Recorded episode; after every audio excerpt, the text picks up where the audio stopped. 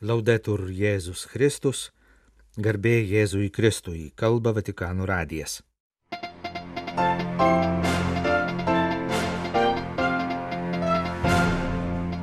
Popiežiaus maldos intencija Birželio mėnesiui.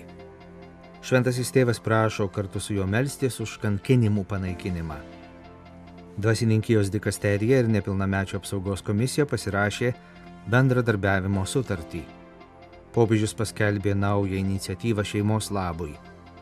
Kongo Demokratinėje Respublikoje vyks nacionalinis Eucharistinis kongresas, kurio tema - Eucharistija ir šeima. Ukrainos Šventojo Gidijos bendruomenė padeda nuo karo nukentėjusiems vaikams. Šventojo sosto diplomatijos vadovas dalyvavo Bratislavoje vykusiame tarptautinėme susitikime. Birželio mėnesį popiežius Pranciškus prašo kartu su juo melstis, kad visame pasaulyje būtų panaikinti žmonių kankinimai. La tortura. Dios mío, la tortura. Kankinimai, mano Dieve, kankinimai. Kankinimai nėra vakarykštė istorija. Deja ir šiandien jie yra mūsų istorijos dalis. Kaipgi įmanoma, kad žmogus gali taip žiauriai elgtis? Yra labai žiaurių kankinimo formų Tačiau yra ir netiesioginių kankinimo būdų, tokių kaip žeminantis elgesys, laiko ir vietos suvokimo atėmimas, kalinimas nežmoniškomis sąlygomis, kurie atima iš žmogaus orumą. Visa tai nėra nauja. Pagalvokite, kaip buvo kankinamas ir nukryžiuotas Jėzus. Sustabdykime kankinimų siaubą. Asmens orumą būtina iškelti aukščiau už viską. Nes kitaip Žmonės bus laikomi ne asmenimis, o daiktais. Ir su jais bus nepaprastai žiauriai elgiamasi, sukeliant mirtį, psichologinę ar fizinę žalą visam gyvenimui. Oremos para que la comunidad internacional se comprometa concretamente en la abolición de la tortura. Melskimės, kad tarptautinė bendruomenė rimtai įsipareigotų panaikinti kankinimus ir užtikrintų paramą aukoms ir jų šeimoms.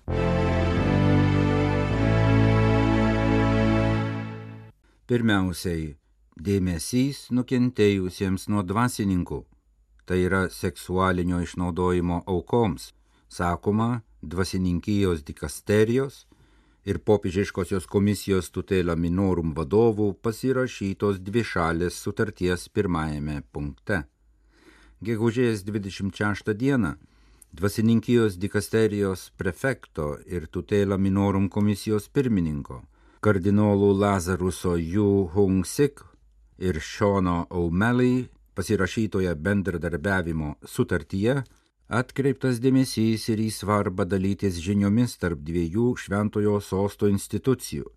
Dvasininkų dikasterija atsakinga už dvasininkų ugdymą ir discipliną, Komisija Tutela Minorum veikianti tikėjimo mokymo dikasterijos sudėtyje popiežiaus vardu padeda bažnyčioms įsisavinti Vatikano nustatytas nepilnamečių ir pažeidžiamų asmenų apsaugos gairės. Sutartyje įvardytos trys pagrindinės abiem institucijoms rūpimos sritys. Visų pirma, tarnystė aukoms Sutarta dikasterijos apimtyje sukurti erdves ir struktūras nukentėjusiems ir norintiems pranešti apie piknaudžiavimo atvejį. Antra, tarnystė vietinėms bažnyčioms bus skatinamas bendradarbiavimas pagal dokumentą Racijo Nacionalis, kurį parengė ir pritaikė vietos sąlygoms kiekviena vietinė bažnyčia.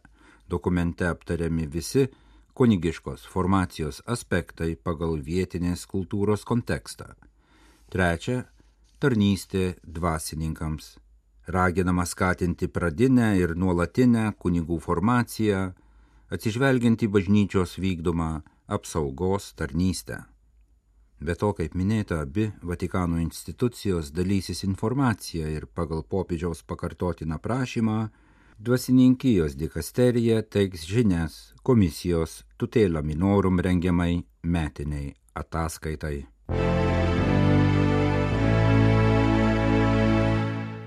Šeimos kaip svarbiausio visuomenės gyvenimo šaltinio santykių kontekstas pasižymi krizėmis, kurios apsunkina galimybę ramiai kurti šeimą, kai nesulaukiama deramos visuomenės paramos, todėl verta pasauliniu mastu dalytis pripažįstamomis geromis šeimos gyvenimo praktikomis, o tai galėtų ir turėtų daryti pačios šeimos, pareiškė popiežius, sveikindamas šeimos pastoracijos programą Family Global Compact. Šventojo sosto institucijų iniciatyva įsteigta programa Family Global Compact antradienį gegužės 30 dieną pristatyta pasauliečių šeimos ir gyvybės dikasterijos ir popiežiškosios socialinių mokslų akademijos vadovų surinktoje spaudos konferencijoje. Joje taip pat pristatyta popiežiaus sveikinimo žinia, kurioje Romos vyskupas Pranciškus išsakė paramą programai, kuria bus siekiama skatinti atsakingųjų už šeimos pastoraciją bendradarbiavimą su viso pasaulio katalikiškų universitetų, šeimos, mokslų ir tyrimų centrais. Programos Family Global Compact tikslas - bendromis pastangomis siekti, kad vietinių bažnyčių šeimos pastoracija galėtų veiksmingiau semtis iš viso pasaulio akademinių bendruomenių kaupiamų tyrimo, ugdymo ir formacijos darbo rezultatų pradedant nuo tyrimų apie šeimos kultūrinę ir antropologinę svarbą ir šeimoms iškylančius naujus iššūkius. Popiežius žinioje priminė 2016 m. apaštališką įparaginimą apie meilę šeimoje Amoris Leticija, kuriame patikino, kad šeimos gerovė yra esminis dalykas pasaulio ir bažnyčios ateičiai ir pridūrė, kad šiuo metu reikia atsakingesnių ir dosnesnių pastangų skatinti apsisprendimą už santuoką ir šeimą, kad žmonės labiau linktų atsiliepti į Dievo jiems siūlomas malonės. Anot Pranciškaus, Family Global Compact neturėtų virsti statiškų požiūrių į šeimą, o taptų kelionę, kurioje galėtų ir turėtų dalyvauti bei liudyti šeimos, Popiežius paminėjo keturis šio ėjimo žingsnius - skatinti šeimai dėmesį skiriančių aukštųjų mokyklų bendradarbiavimą, kad jų tyrimo darbas taptų kuo našesnis, kuriant bendradarbiavimo tinklus, ypač tarp universitetų, kurie vadovaujasi bažnyčios socialinių mokymų. Siekti didesnio krikščioniškų bendruomenių ir katalikiškų universitetų bendradarbiavimo ugdyti šeimos ir gyvybės kultūrą visuomenėje politiniams sprendimams naudingais siūlymais ir tikslais, suderinti ir palaikyti iškylančius siūlymus, kad tarnystė šeimai būtų praturtinta dvasinių, pastoracinių, kultūrinių, juridinių, politinių, ekonominių ir socialinių požiūriais.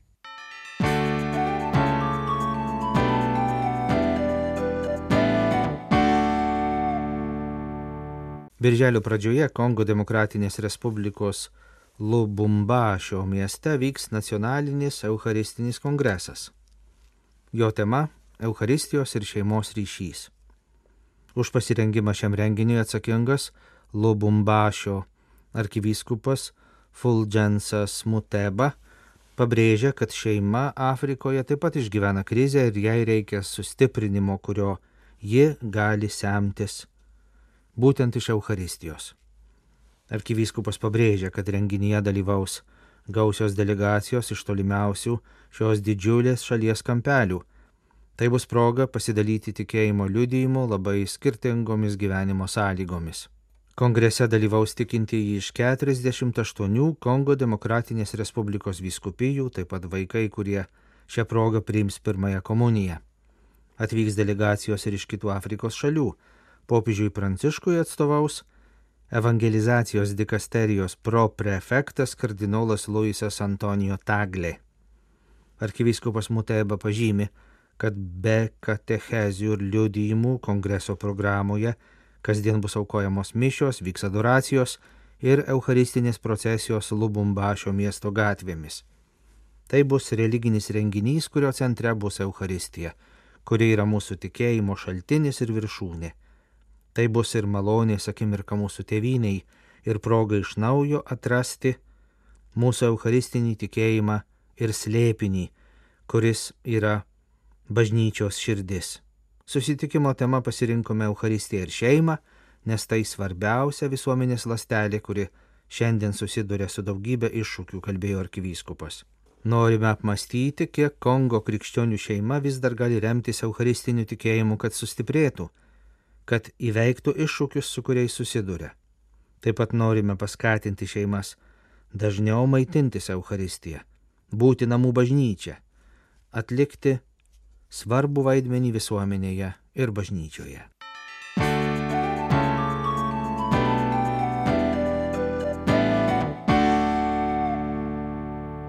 Ukrainai labai reikia draugų ir sąjungininkų, kad humanitarinė pagalba skirta vietos gyventojams ne tik nenutrūktų, bet būtų stabili ir ilgalaikė, sakė Vatikanų radijoje Šventojoje Gidijaus bendruomenės Ukrainos skyriaus vadovas Jurijus Lyfanse.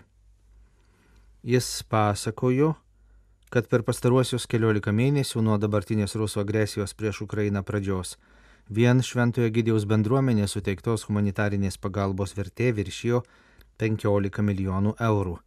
Svarbi bendruomenės savanorių veiklos rytis yra normalaus gyvenimo, pramogų, žaidimų organizavimas vaikams, ypač išlaisvintose teritorijose, siekiant bent šiek tiek sugražinti jiems prarastą vaikystę.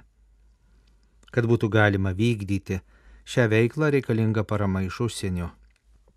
Kijeve veikiančio Ukrainos Šventojo Gidiaus bendruomenės skyriaus vadovas sakė, kad struktūrose tarnauja savanoriai ir iš kitų Ukrainos miestų - Zaporižios, Hersono, Harkivo, Mikolaivo, taip pat yra savanorių iš užsienio - Italijos, Prancūzijos, Niderlandų, Vokietijos.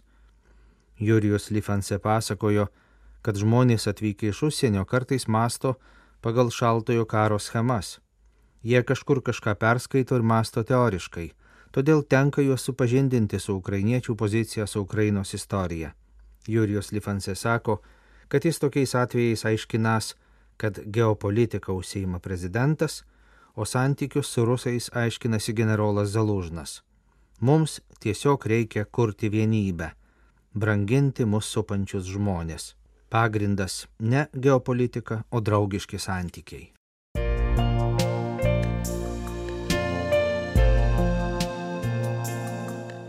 Jūs klausotės Vatikano radio. Tęsėme žinių laidą lietuvių kalba.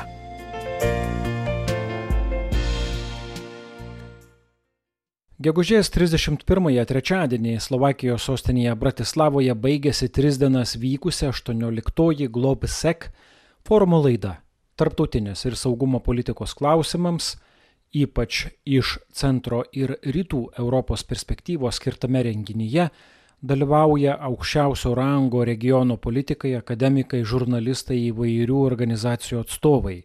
Forume pasisakyti pakvestas ir arkivyskupas Polas Galageris Šventojo sosto diplomatijos vadovas. Jis padėkojo už kvietimą kalbėti antrą kartą iš eilės. Kaip ir praėjusiais metais, taip ir šiemet pagrindinis forumo kontekstas yra karas Ukrainoje, nepamirštant ir kitų karų bei konfliktų, kurie veikia visą pasaulį. Arkivyskupas Paulas Galageris pasidalijo keliomis mintimis apie solidarumą ir taiką globalioje perspektyvoje. Šventojo sosto santykių su valstybėmis sekretorius citavo garsaus savo kraštiečio, poeto kataliko Džono Donno 1623 metais užrašytą meditaciją. Tuo metu poetas sunkiai sirgo ir vis dar gėdėjo prieš keliarius metus mirusios žmonos. Išgirdus kažkur toli skambančius laidotuvių varpus, poetą aplankė tokia metafizinė pajauta. Nei vienas žmogus nėra tarsi atskira sala. Kiekvienas esame gabalėlis žemynų, žemės dalis. Jeigu jūra grumsta nuplautų, Europa jau liktų mažesnė. Taip pat, jei užlietų iškišulį arba dvarą tavo ar tavo draugų bet kurio žmogaus mirtis nusineša dalelę manęs, kadangi aš priklausau visai žmonijai. Ir todėl niekada neklausk, kam skambina varpai, jie skambina tau. Žmogaus palyginime su žemės grumstu, kuris yra platesnės tikrovės dalis pasak arkivyskupo Paulo Galagerio, atpažįstame sąsąją su biblinio žmogaus sukūrimo pasakojimu. Britų poetų pajautos esmė yra suvokimas, kad visi žmonės kažkaip susiję ir kad tai turi pasiekmes. Būtų galima pasakyti, kad viena iš tokių pasiekmių yra solidarumas, kurį Šventasis Jonas Paulius II yra pavadinęs įsipareigojimu dėl kiekvieno ir visų gėrio, nes visi atsakingi už visus. Galima sakyti, kad Džono Dono ir Šventojo Jono Pauliaus antrojo mintis remiasi apaštalo Pauliaus metaforo apie kūną, apie skirtingumą ir vienybę. Kiekvienas esame tarsi skirtingas kūno narys, priklausantis tam pačiam kūnui. Tad kai vienas kūno narys kenčia, kenčia ir likę. Kai vienas džiaugiasi, džiaugiasi ir likę. Ši solidarumu grindžiama perspektyva visai nedara su kraštutiniu individualistiniu požiūriu į žmogų kaip į autonomišką, save reguliuojančią ir savo pakankamą būtybę, kurios vienintelis tikslas visais įmanomais būdais siekti tokios savirealizacijos, kaip pati nusprendžia. Kontaktas su kitomis panašiomis būtybėmis virsta susidūrimu, galbūt konkurencija, kurioje laimės smarkiausias, galbūt konfliktu, kuriame viršų paims stipriausias. Tokioje perspektyvoje sąveika su kitais reiškia asmens grupės ar tautos laisvės ribojimą ir net pabaigą. Tokioje perspektyvoje svarbiausia ne dialogas, o tarpininkavimas. Naudojimasis teisėmis generuoja ne laisvę, bet tolerancijos arba netolerancijos formas. O tai, kas suvokiama ne kaip tarpusavio harmonija, o kaip konflikto nebuvimas. Tokiame kontekste tampa būtina kurti daugybę vietinių, nacionalinių ir tarptautinių taisyklių, bandančių reguliuoti teisę į savirealizaciją, kurią kiekvienas apibrėžia savaip.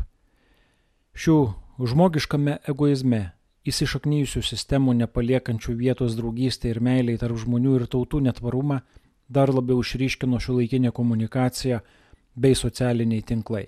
Tačiau pasak Šventojo sosto diplomatijos vadovo negalima susitaikyti su tokia dalykų būklė, o raktas į geresnį pasaulį yra būtent solidarumas. Jis sulaužo egoizmo prakeiksmą ir užtikrina ilgalaikę taiką, kuri nėra paprastas karo nebuvimas, tačiau teisingumo, harmonijos ir bendradarbiavimo visuma. Solidarumas kuria draugystės tarp žmonių ir tautų ryšius, kurie siekia toliau už maksimalaus pelno tikslą arba grėsmių balansavimo žaidimą. Solidarumas kuria vienybės, bendruomenės ir empatijos jausmą, peržengia laiko, erdvės, kultūrų, tautų, valstybių ir religijų sienas Taika ir solidarumas yra dvi tos pačios monetos pusės. Viena negali egzistuoti be kitos. Todėl be kitų pagirtinų iniciatyvų turime kurti mechanizmus, kurie skiepytų visuotinę solidarumo darybę visų ir visuose gyvenimo lygiuose. Toks yra kelias į geresnę ateitį, kur tarp žmonių ir tautų vyrauja ilgalaikė taika. Globsek forumo Bratislavoje dalyviams tvirtino arkivyskupas Paulas Galageris.